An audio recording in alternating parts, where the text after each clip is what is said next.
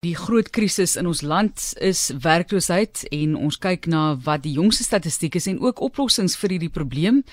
Vorentoe spesifiek vir die jeug vandag en Dr Hendrik Botha gesels met ons. Hy is akademiese hoof van Boston City Campus en hy praat met ons oor hierdie groot groot uitdaging. Baie welkom dokter hier op 360. Kom ons kyk bietjie na die jongste statistiek. Wat is die situasie tans vir Suid-Afrika se jeug? Om om net die breë prentjie te skets voor ons by die, by die by die jeugkrisis ehm um, uh, kan nie inval. Die die werkende ehm um, die bevolking van werkende ouderdom, dit is 15 tot 64 jariges, is ongeveer 40 miljoen in Suid-Afrika, waarvan die arbeidsmag 23 miljoen is. Die mense, die die persentasie van mense wat in werk is, is 33.9% en Die dit is ongeveer 15.6 miljoen mense. 8 miljoen mense is werkloos. 3.6 miljoen mense is gedisassosieer of mismoedig en omtrent 'n miljoen mense het opgehou werk soek. Dit is 'n redelike aardige syfer as 'n mens na dit in die breë kyk. Ja, mens mens moet sak eintlik in jou skoene inneem. Ons wat bevoorreg is om werk te hê, voel eintlik ook so 'n uh, uh, bietjie ontstel daaroor want ons weet daar's mense wat langs jou bly wat verby jou in die pad loop wat in so 'n situasie is. Maar dit lyk vir my uh Dr Hendrik Botha met wie ons gesels asof die jeug die swaarste las van werkloosheid dra. So um is daar dalk 'n paar sleuteloplossings uh, blink idees om die probleem te oorbrug Inderdaad, dit is nie alles donker nie. Daar daar is Frankies, daar daar is Frankies van hoop. Die eerste item wat, wat ek graag wil deel is dat dat die die die gradiandi die persentasie van gradiandi wat werkloos is is net 10.2%. So ek ek sê dit is net 10.2%, dis nog steeds 'n vreeslike 'n groot persentasie, maar dit is 23% minder as die offisiële uh uh uh as die, as die offisiële persentasies.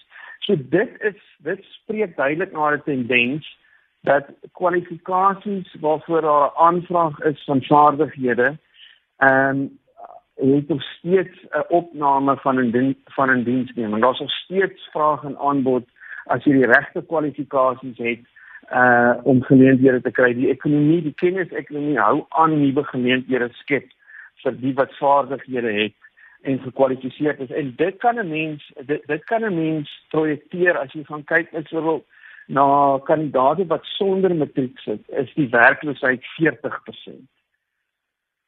Nou kan jy vir ons 'n bietjie insig gee oor watter beroepe in aanvraag is? Want ek onthou toe ek studeer het het hulle byvoorbeeld gesê Suid-Afrika hulle gaan altyd ingenieurs nodig hê. En 3 dekades later hoor ek van ingenieurs wat sê maar ek ek kry nie werk nie. Die ouers bel ons hierso in werk soek en en en, en sê maar my my kinders kry nie werk nie. Nou, ek weet of dit baie keer met die geografie te doen het ook nie of jy wel kan werk kry maar dalk by plekke waar jy nie wil werk nie. Maar vertel vir ons 'n bietjie ehm um, watter beroepe is tans in aanvraag want dan kan ons daarom ook jou rig na sulke beroepe ook met tersiêre opleiding. Yes, en en en en inderdaad so die breë finansies en rekeningkunde interne interne auditeure rekenmeesters en um, al die velde en um, geopereerde rekenmeesters forensiese auditeurs en dit alles nog steeds in hoë hoë aanvraag. Inteendeel dit groei nog steeds teen omtrent 8% 8 na 10% 'n jaar um, in in in nuwe vakatures En dan natuurlik ook in die, in die, in die, in die IT velde en al die moderne al die moderne poste, die, die cloud computing, data scientists, development ops, al daai ingenieurswese en kiberbemarkers en bestuurders en is almal nog steeds 'n navraag en groei en teendeel en van hierdie moderne velde groei teen 1000% oor die laaste jaar in in aanvraag. So En dan is daar nog steeds in die tradisionele ehm um, ehm um, areas rondom verkoopswese, skakelwese, daar is nog steeds daar daar's nuwe ligte wat opgaan in in die, in die vervaardigingssektore eh uh, of sektor. Daar's nog steeds in in ou tradisionele en um, maar met moderne inslagte rondom ehm um, administrasie en kliëntedienste en landbou is daar ook 'n toename in. So so daar daar is heelwat positiewe syne en positiewe ligte. En baie van die nuwe geleenthede word ook gedryf deur internasionale behoeftes na Suid-Afrikaners. En die internasionale behoeftes speel homself ook uit nou na na um, na die pandemie en met geleenthede om by die huis te werk en internasionale inkomste te verdien um, en nie noodwendig te moet immigreer nie. So daar is daar daar is werklik heelwat positiewe uh, syne. Maar hoe ek dit analiseer is om te sê dit het te doen met 'n absolute wanverhouding tussen vaardighede wat ons soms by ons tersiêre en van ons skool uit die skoolsektor uh, en uit die tersiêre sektor 'n uh, 'n uh, uh, absolute wanverhouding in vaardighede wat ons uh, ons kinders ons jeug mee uitsit uh, teen teen strydig met waar die die die vraag na is. Ja, minstens 2 uit 3 wat nie werk het nie en dit dit is 'n dit is 'n baie ontstellende syfer. Maar kom ons praat gou oor 'n uh, party van die glasplafonne wat 'n mens kry. Nou ehm um, gewoonlik is daar een ding waaroor mense ook kla, jy tussen 'n jaar, 2, 3, 5, 7 jaar gaan studeer en dan sê hulle maar jy het nie ondervinding nie, so jy kan nie die pos kry nie. Jy moet eers ondervinding hê in 'n ander werk. So In watter mate sal dit jong mense help om hulle vaardighede dan met studie uit te brei en om dan ook hierdie werkloos werkloosheidskrisis so uh, te verlig? Maar eers daai ding op 'n CV. Daai ding op wat mense op 'n CV kry wat of uh, mense op 'n werksaansoek wat vir jou sê 3 tot 5 jaar on, ondervinding word uh, geverg. Dit is nou dan in geval van die perd voor die kar of die kar voor die perd. Ek is van mening dat die tersiêre instellings moet baie meer doen om leerlingskappe en om internskappe uh, beide beide verpligtend en ehm um, ehm um, en in ander forme beskikbaar te maak binne die leerprogramme. Sodat daar 'n geleentheid is om tyd in werksplek te spandeer terwyl jy studeer om van daai teoretiese kennis na 'n praktiese vlak uh, te neem um, en na implementerings uh uh uh, uh vlak te neem sodat daar meer en groter inbegrip is wat dit is wat gestudeer word en hoekom dit van belang is.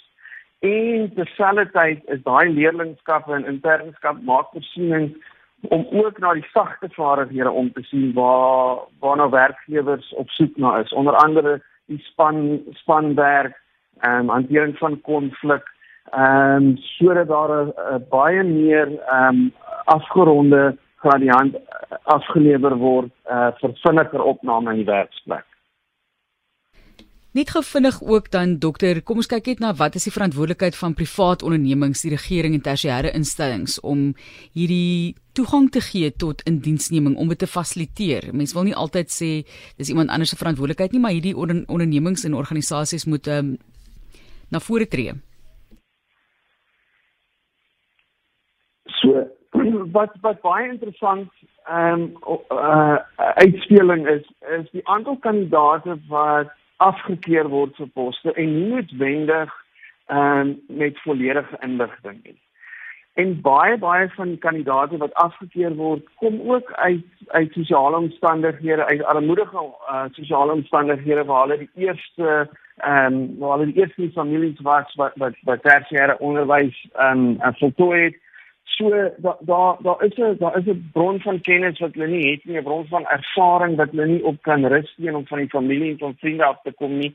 En dit is 'n dit is vreeslik belangrik om volledige inligting weet. Dit is te sê, daar sagte waarhede wat jy nie het nie, dis die volgende. Daar's ervaring wat jy nie het nie, dis die volgende. Daar's leerlingskappe beskikbaar en dis onder andere waar die private sektor ek dink baie meer uh, na vore moet tree daar is vreeslik en daar's vreeslik progressiewe beleidsstukke in Suid-Afrika um, om ons menslike um, uh, kapitaal te ontwikkel. Ek dink van die progressiefste in die wêreld wat dit voordele gee rondom uh, belastingvoordele um, uh, en uh, en verskeie krediete uh om leerders in te neem, om leerlingskap beskikbaar te stel, om internskappe beskikbaar te stel, selfs na kwalifikasies sodat vroeë ervaring kan opgedoen word sodat die die die die die die die gradiaan die meer um, ervare is in werksplek meer blootgestel word 'n beter inbegrip het vir ehm um, wat is professionele etiket hoe om te werk te gaan um, in in professionele omgewings. So daar is werklik baie baie meer wat ons kan doen om uh, geronde gradiant voor te berei en af te lewer in die werksplek.